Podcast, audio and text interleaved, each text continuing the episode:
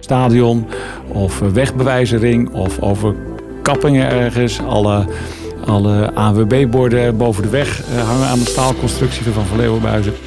Maar er gaat ook heel veel in de machinebouw, landbouwmachinewerktuigen, in, de, in auto's, automotive, scheepsbouw. Nou ja, eigenlijk uh, overal wel. En ja, vaak de stoel waar je op zit is ook nog van een buis gemaakt. Dus... Leuk dat je luistert naar deze podcast. Burgemeester Heine van der Loo praat aan zijn keukentafel met inwoners en ondernemers uit Zwijndrecht en Heerjasdam. Een open gesprek over wat ze doen, wat hen drijft en wat ze meemaken. En hoe kunnen we Zwijndrecht en Heerjasdam samen nog mooier en sterker maken? Dit is aan de keukentafel met. Nou Peter, goedemiddag. Welkom. Ja, dankjewel. Aan de keukentafel met Peter Rietberg, eh, voorzitter raad van bestuur van de Van Leeuwenbuizen groep in Zwijnrecht. Peter, van harte welkom. Dankjewel. Wie is Peter Rietberg? Ja, ik ben uh, geboren en ook getogen in uh, Zwijndrecht, 57 jaar oud. Zwijndrecht uh, lagere middelbare school bezocht. En daarna in Rotterdam gestudeerd. Wat omzwervingen in de wereld gehad voor het bedrijf en om andere redenen. En uiteindelijk weer in Zwijndrecht uh, terechtgekomen. Daar woon ik met, uh, met mijn gezin met veel plezier. En daar, uh, daar werk ik ook dagelijks bij Van Leeuwenbuizen, hier ook in Zwijndrecht. Ja, dus alle scholen. kan, je, kan je vertellen welke scholen dat waren? Julianenschool in Zwijndrecht en uh, Deelstein College. En toen dus naar Rotterdam om te studeren. En ja. wat was jouw studie? bedrijfseconomie. En, en je zegt uit, uitgewaaierd voor het bedrijf. Heb je altijd voor uh, van Leeuwenbuizen gewerkt? Ja, eigenlijk wel. Kort even voor uh, Defensie, maar dat was een uh, verplichting in die tijd. Nee, voor Verleeuwen in, in landen geweest als de Verenigde Staten, Frankrijk, Duitsland. Ja, allemaal zo rond begin jaren negentig. Dat was de tijd dat ik in de school- of studiebanken zat. Ja. En toen ook voor het eerst echt naar het buitenland ging. Uh, want jullie zijn wel een heel internationaal bedrijf, hè? Zwijnrechts, maar ook hartstikke internationaal. Precies, Zwijndrechts en internationaal. Maar al sinds dag één zitten we in Zwijndrecht, sinds 1924. En daar zitten we nog steeds. En dus zijn, dat ik denk dat we er nog heel lang kunnen blijven ook. Weet je, voor mij is Van Leeuwen, Van Leeuwen Buizen, al zo lang bekend zonder dat ik jullie kende. Vanwege die reclames op twee keer een hoog gebouw als je van het zuiden, hè, Brabant, naar de Randstad rijdt. Ja. Uh, respectievelijk in Zwijndrecht en, uh, en in Rotterdam. Ja. Kan je daar iets meer over nou vertellen? Want dat, dat is voor uh, iedereen een landmark bijna. Ja, goed dat je vooral Zwijndrecht ook noemt. Maar dat, daar zitten we vandaag ook voor natuurlijk. Waar die reclame op de Middenvoortflat staat. Die is wat minder bekend landelijk dan de reclame op het Kleinpolderplein bij Rotterdam. Ja, die staan er al uh, sinds mensenheugenis. Uh, echt sinds mensenheugenis. Want we moeten echt ver zoeken. Uh, jaren zeventig of zo zijn die, zijn die geplaatst. Ook al een keer vervangen natuurlijk en weer vernieuwd. Iedereen heeft het er altijd over. En het is inderdaad precies wat je zegt. Dat is ook waarom men Van Leeuwen kent. Maar er is natuurlijk veel meer dan dit achter de wereld van Van Leeuwen. Wat doet het bedrijf dan voor onze luisteraars? Ja, nou, Van Leeuwen is in feite een voorraadhoudend handelsbedrijf met stalen buizen. Dus wij produceren op zich geen buizen, maar wij houden ze in voorraad. Wij kopen ze van fabrieken, houden dat in voorraad en uh, leveren dat aan een uh, enorm breed en divers spectrum van klanten over, nou ja, over de hele wereld, Europa en de rest van de wereld. En dan kun je denken aan uh, natuurlijk olie- en gas raffinaderijen, maar vooral ook heel veel voor staalconstructies, een, een stadion of wegbewijzering of over kappingen ergens, alle alle AWB-borden boven de weg eh, hangen aan de staalconstructie van Van Leeuwenbuizen. Maar er gaat ook heel veel in de machinebouw, landbouwmachinewerktuigen, in, de, in auto's, automotive, scheepsbouw. Nou ja, eigenlijk uh, overal wel. En ja, vaak de stoel waar je op zit is ook nog van een buis gemaakt. Dus ja. overal. Ja. Nu je dit zo vertelt, ga je, denk ik, tenminste ik, heel anders naar al die, al ja. die uh, dingen kijken. Hè? En, en, oh ja, daar zit dus uh, Van Leeuwenbuis in. Ja. Uh, ik heb een keer met jou over uh, uh, het terrein mogen lopen. En het, viel me op. Het, het, gaat echt van hele dunne pijpjes tot gigantische buizen waar ongelooflijk veel vloeistof doorheen moet. Is dat die range? Of? Het gaat inderdaad van, laten we zeggen, 6 of 8 mm doorsnee tot, tot meer dan een meter. Wat je, wat je wilt, met alle verschillende toepassingen en verschillende wanddikte dan. En, en buizen zijn vaak rond, maar we doen ook wat we profielbuizen noemen. Dus voor constructies, voor, voor zijn het vierkante of rechthoekige buizen. En dan doen we daarbij ook nog wat wij dan componenten, buiscomponenten noemen. Dus dat is verbindingsstukken als fittingen, flensen, lasbochten, T-stukken. Om de verbindingen te maken van de buizen. Ja. ja. En die zijn dan ook van staal? Die zijn ook van staal, ja. ja. We doen staal of roestvast staal. Kan je wat meer vertellen over de geschiedenis van het bedrijf, Peter? Ja, nou, het bedrijf is, uh, zoals we al eh, net even bespraken, een echt bedrijf. Gestart door mijn grootvader in 1924. Eh, die ehm, eigenlijk terugkwam uit militaire dienst, geen werk had. Via, via een, een partij buizen uit een faillissementspartij van de bank kon verkopen. Nou, dat, dat, dat was de start eigenlijk. Dus hij kon het op commissiebasis verkopen. En daar verdiende hij wat geld mee. Waardoor hij kon bijkopen. En zo is het bedrijf begonnen eigenlijk. In die jaren uh, voor de uh, oorlog uh, gestaag gegroeid. Door die crisisjaren van 1929 heen geworsteld natuurlijk. Mhm. En ik denk dat het bedrijf redelijk op de kaart stond toen de oorlog uitbrak. En echt van start is gegaan na de oorlog met, met 1947 de eerste buitenlandse vestiging bij Brussel. Mm wat toen natuurlijk een dag reizen was. Eh, dat vergeten we nog wel eens, maar dat, uh, dat was ver weg, hè, Brussel. Ja. Ja, en zo gestaag uitgegroeid over uh, Europa, in verschillende Europese landen, Frankrijk, Engeland. En in de jaren zeventig verder internationaal naar andere continenten, Noord-Amerika, Zuidoost-Azië, Australië, later het Midden-Oosten. En zo is dat steeds verder gegroeid door al die jaren heen. Ja, en nu in meer dan 30 landen, geloof ik? Meer dan 30 landen. We zijn uh, door de jaren heen zo, zo gegroeid. En we hebben anderhalf jaar geleden een grote acquisitie gedaan van een, uh, een bedrijf. Ongeveer net zo groot was als wij. Uh, maar dat weer in een heleboel andere landen zat met wat andere productgroepen. Waardoor we nou ja, de, de kaart, zowel geografisch, maar ook qua productenpalet, mooi compleet hebben gemaakt. Dat. Dus echt een aanvulling op jullie Absoluut, ja. toenmalige ja. bedrijvigheid. Ja. Ja, is dat, het, is dat het geheim van dit bedrijf wat zoveel verstand heeft van dat voorraadbeheer en uh, de distributie van roestvrij stalen buizen door gewoon goed te blijven doen wat je al bijna 100 jaar deed? Ja, in de kern wel, maar we doen natuurlijk inmiddels heel andere dingen dan we 100 jaar geleden uh, deden. Dus het, is, het lijkt hetzelfde, maar het is, het is door blijven gaan, door blijven vernieuwen van, van dingen. En ik denk dat, dat de kern van het succes zit in het uh, enthousiasme, wat toch inmiddels 2400 mensen kunnen opbrengen. Om met z'n allen daar, daarmee bezig te zijn. En dat was ook het uh, hele bijzondere, vond ik, van uh, toen we de acquisitie deden en daarna. Dat de managementteams zeg maar, van de bedrijven, het bedrijf, de bedrijven die bij ons kwamen, die, die we gekocht hadden, eigenlijk ook vrij snel heel enthousiast aansluiting vinden uh, bij ons. Ja, waarschijnlijk omdat het gewoon over buizen ging en, en, en iedereen dat vak heel erg mooi vindt. het was zo aanvullend dat je die mensen ook gewoon nodig bleef houden uh, ja, nee, voor, absoluut, voor, voor, die absoluut. activiteiten. Nee, maar heel, dat, ik bedoel, juist bij ons, het gaat om mensen. Want ja, buizen zijn, daar worden we heel enthousiast van, maar uiteindelijk zijn het buizen. Maar het gaat om mensen die, die begrijpen wat je ermee kunt, hoe je het kunt verkopen, hoe je, het, hoe je je klant kunt binden, hoe je naar het hele spel eromheen. Het is echt mensenwerk. Ja. Ja, dus heel belangrijk dat die mensen aan boord blijven. Hadden jullie trouwens al een grote activiteit in Duitsland? Of heb je daarmee ook echt in die Duitse markt ja, slag geslagen? We waren wel aanwezig in Duitsland via verschillende vormen over de laatste 15 jaar. Maar ja, nu staan we serieus op de kaart als zeg maar, top 2 of top 3 speler in de Duitse markt. Ja. Het is een grote markt, heel groot. Ja, ja. ja die is heel groot. Ja. ja, dan zijn we maar een klein landje. Maar als je daarin mag meespelen, ja, dat is natuurlijk wel. Uh, dan, dan, dan stel je wel echt wat voor. Dus 500 miljoen was het zo'n beetje, de omzet. Er kwam 500 miljoen bij. Inmiddels zitten jullie, dacht ik, ruim boven de miljard. Ja, nou, we zaten, we zaten al rond de 700 voor corona. Hm. Dus inderdaad, vorig jaar zijn we boven een miljard uitgekomen, maar was wat lager vanwege de toch uitval van een heleboel omzet door de coronatijd. En we verwachten dit jaar wel uh, daar ruim bovenuit te komen. Je zegt corona. Um, welke industrie in jullie klantgroep heeft het het zwaarst te verduren gehad? En waar hebben jullie dan dus ook het meeste last van gehad? Nou, dat was het tweede kwartaal vorig jaar. Nou, we herinneren ons allemaal nog wel dat dat in maart natuurlijk uh, opeens uh, heel snel naar in lockdown ging. Ja. En ik denk dat bijna al onze klanten, het is moeilijk om daarin te zeggen die wel en die niet, uh, daar in dat, in dat tweede kwartaal heel erg mee te maken hebben gehad. Heel veel bedrijven die, die echt dicht gingen. Productiebedrijven die, die een paar weken dicht zijn gegaan. Uh, en daarna voorzichtig weer open. Uh, ja, dat betekent dat bij ons dus ook de leveringen aan die bedrijven stopvielen. Ja.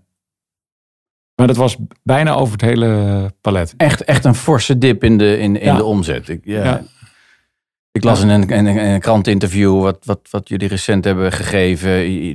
Ja, ergens iets van 50 tot 60 procent of zo, waar het uh, ineens ja, naar beneden ging. Ja. ja, in die maanden dan, hè? Ja, ja, ja zeker. Ja, ja, nee. En daarna is het toch weer... Toen is het, toen, is het, toen is het na de zomer wat aangetrokken weer.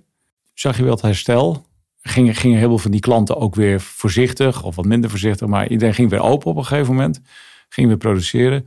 En het vierde kwartaal was het weer een beetje terug op waar het zeg maar was. Maar nog lang niet helemaal. En, en nu zien we een heel ander beeld. Want ja, de economie, in ieder geval de economie waar wij, mee te maken hebben, die doet het toch wel goed op dit moment. Ja, hè? ja. Jullie ervaren dat het in ieder geval flink aantrekt. En we lezen allemaal in de krant dat er uh, wat dan de, de grondstoffen tekorten zijn. Hè? Of het nou hout of staal of koper is. Ja, er zijn gewoon wereldwijd tekorten. En, uh, dus het is voor ons moeilijk om, om ook onze voorraad op, op peil te krijgen. Om goed, goede aanvullingen uh, aanvoer te krijgen. Maar ja, bij gevolg, ja, de prijzen gaan ook omhoog. En dat draait gewoon ja, bijna onvoorstelbaar goed tempo. Hadden we niet verwacht een jaar geleden, absoluut niet. Nee. nee. Ja, economie blijft een vreemd onvoorspelbaar ding natuurlijk. Nou, aan de andere kant is denk ik wat we mee hebben gemaakt als uh, wereldwijd coronacrisis ook het meest uh, impactvolle, als ik het zo mag zeggen, sinds de Tweede Wereldoorlog. En, en in die zin denk ik dat economen het ook niet kunnen voorspellen. Nee. nee Want het gaat echt heel anders dan, dan wie dan ook gedacht heeft uh, een jaar geleden. Wat heeft corona met jullie medewerkers gedaan? Kijk, onze eerste zorg vorig jaar was natuurlijk noem het maar de veiligheid van de medewerkers. Hoe, hoe zorgen we dat iedereen gezond blijft in eerste instantie en zijn gezin en, en hij zelf gezond blijft, hij of zij zelf. Maar vooral ook, hoe kunnen we dat op een gegeven moment organiseren dat we toch uh, ons bedrijf open kunnen houden? Want, want een groot gedeelte van ons werk kan niet van huis uit. Buizen liggen in een magazijn, dan moeten ze in of uit en dat moet opgepakt worden. Uh, dat, vrachtwagens moeten geladen en gelost worden. Nou, daar hebben we veel aandacht aan gegeven met allerlei, nou ja, de bekende maatregelen. Ja, en ik denk dat, dat gelukkig hebben we geen echt grote uh, vervelende gevallen gehad van, van, van, van corona. Ja, nu pakt iedereen, denk dat iedereen nu uh, rijkhalsend uitkijkt naar uh, hoe we nou toch weer een beetje aan de slag kunnen met z'n allen. Nou, fijn dat jullie ja. 2400 medewerkers ja, ja, wereldwijd, ja.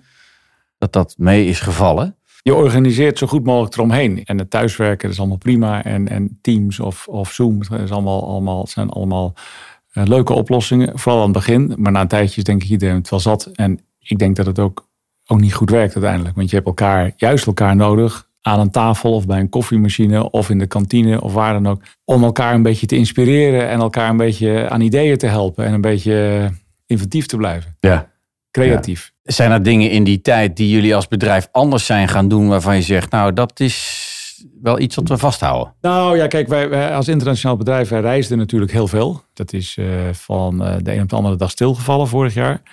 Um, ik denk dat we uh, daar anders mee om zullen gaan als, als de wereld straks weer wat in normale vaarwater terechtkomt. Dat je, um, er zijn nieuwe vormen ontstaan, denk ik. Je, je kunt sommige vergaderingen prima doen via een, een Teams of een Zoom-meeting. Als je elkaar af en toe weer even kunt zien tussendoor. Dus ik denk dat dat reizen op een andere manier zal gaan, uh, gaan plaatsvinden. Ja.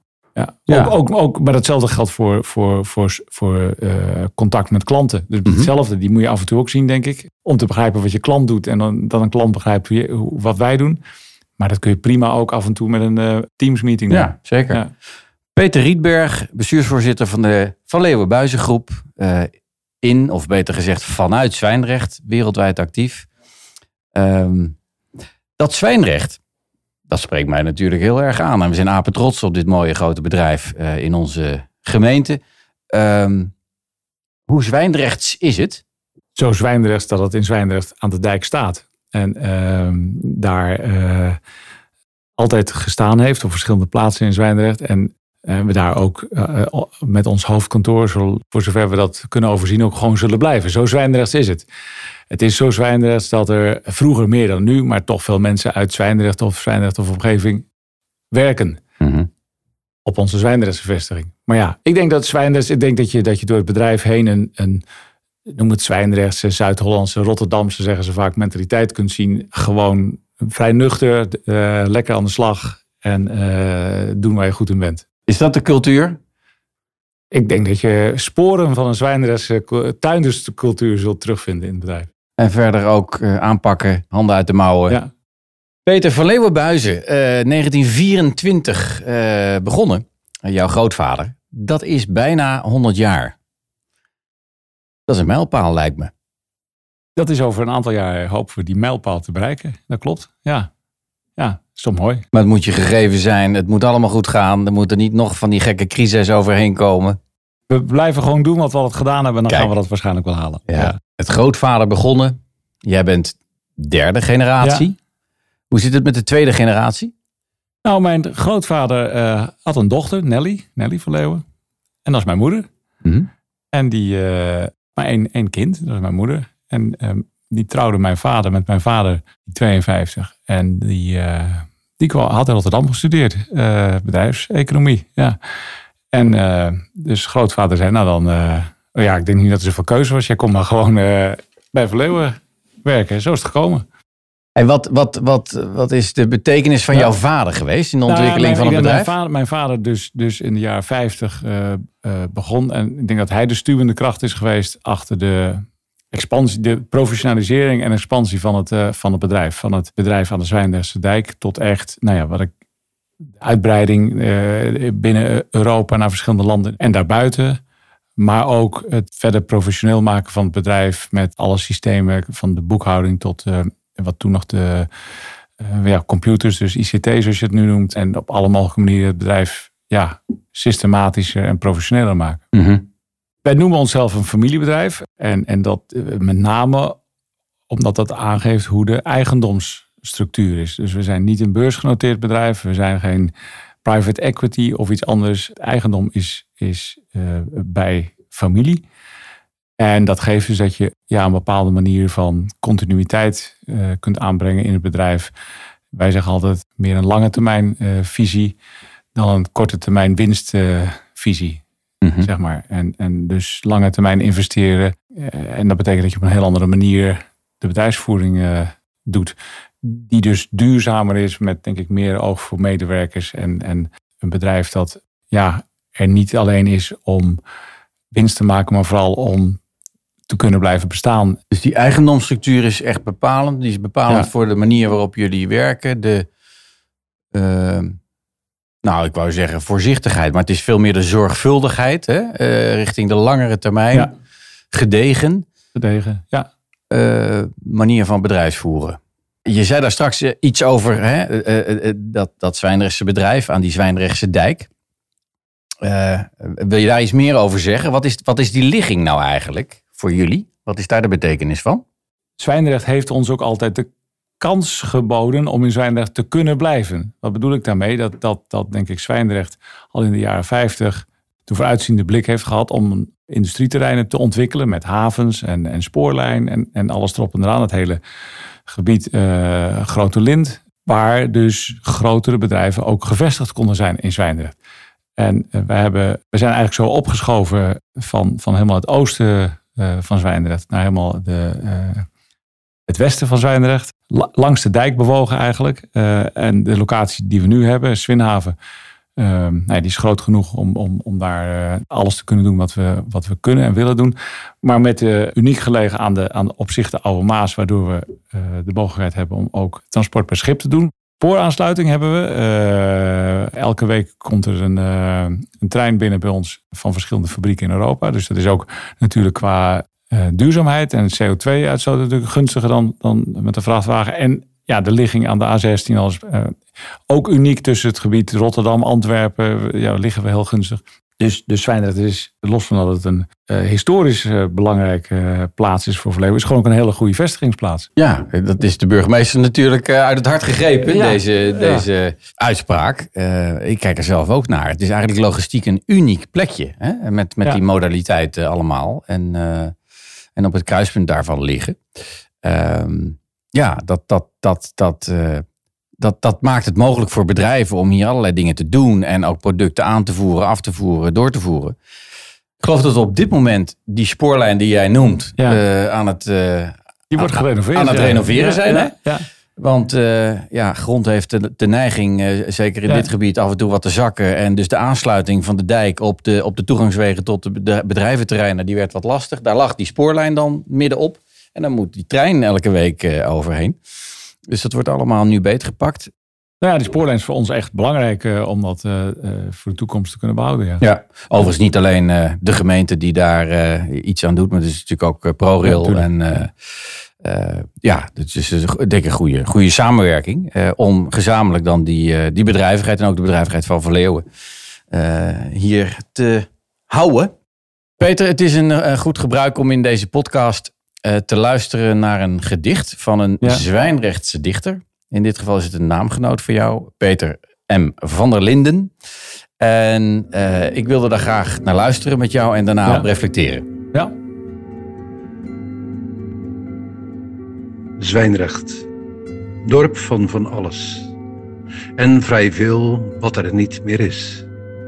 Tegen een muurtje balletje trappen op het schoolplein Bentelwijk. Met de radio aan op zondag, luisteren naar langs de lijn met het radiootje wat ik kreeg van Piet. Ook al kende ik hem niet. De legende en een van de grondleggers van ons dorp. Ook hij begon op het schoolplein of wellicht was hij zelfs niet. Maar hij begon aan iets groots. Met een oeverloos vertrouwen werkte hij zich door de crisis, langs Duitsers en door de wereld heen en bleef een man met een missie en de steun van familie in zijn rug. En waar ik dan ook heen ging, of waarvan terug, ik voel mij met hem verwant, want ik herken altijd feilloos de neon die uittorent boven de huizen, als baken van welkom terug. Hier is het huis van Verleeuwen Buizen.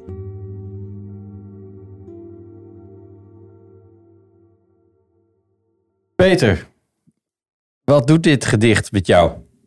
Ik vind het uh, mooi gevonden. Vooral natuurlijk het, het nou, het begin en dat radiootje waar natuurlijk uh, elke Zwijndrechtse, elk Zwijndrechts kind van uh, dat in, die jaren, in de jaar 1974 hier op school zat, uh, herinnering aan heeft. En waar we altijd heel veel nog over horen van, van die generaties.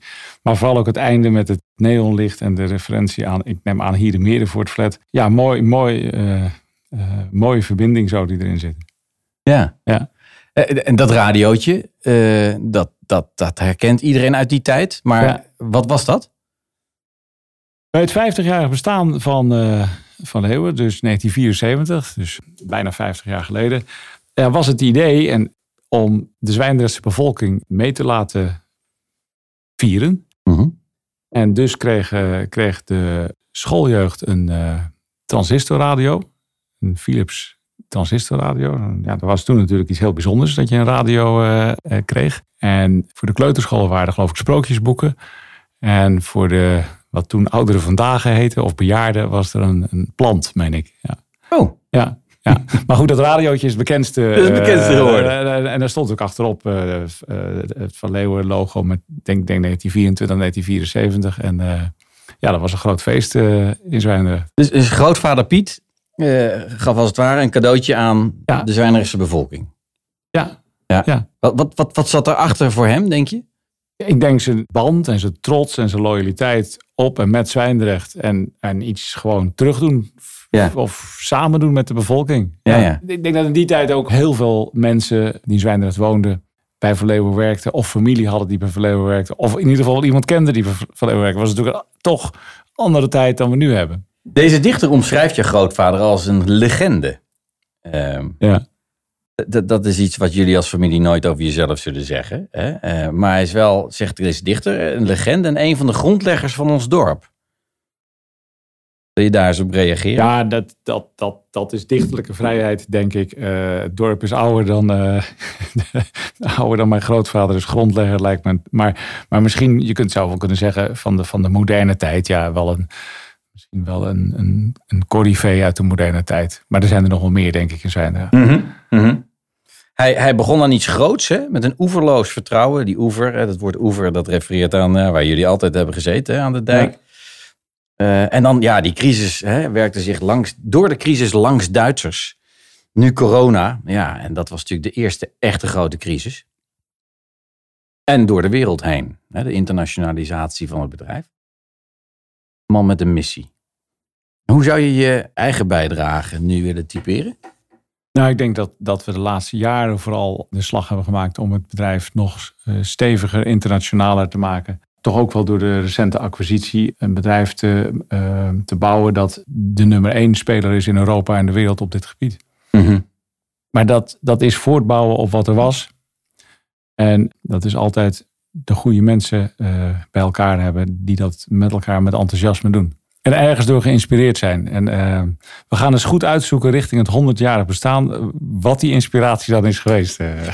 Ja, ja. oké. Okay. Oh, dat is natuurlijk een hele mooie om, uh, om met elkaar uit te vinden. Ja. Nou ja, jij als, als bestuursvoorzitter nu staat ook op de schouders van jouw ja, voorouders. Hè? voorgangers zeg je vaak, maar in jouw geval ook je voorouders. Dus da daar is een enorme basis gelegd, denk ik, voor een prachtig bedrijf nu. En als ik je zo zie en hoor, dan, dan is het ook nog zeker niet het einde en ook niet uh, uh, ja, de, de, de laatste omvang van dit bedrijf. Zie ik dat goed? Nou ja, er werd al gezegd dat 100 jaar is een mijlpaal, maar na een mijlpaal komt er altijd een andere mijlpaal, toch? Dus zo moet je het wel zien, ja. Mooi. Ja. Heel veel succes, Peter, daarbij. Uh, uh, in die vaartocht met, ja. uh, met Van Leeuwenbuizen. Ja. Ontzettend fijn dat je aan deze keukentafel wilde aanschuiven. En dank voor je open verhaal. Dankjewel, met plezier. Ja. Bedankt voor het luisteren. In de volgende aflevering van deze podcastserie ontvangt burgemeester Heine van der Loo een nieuwe gast bij hem aan de keukentafel. Hopelijk luister je dan weer.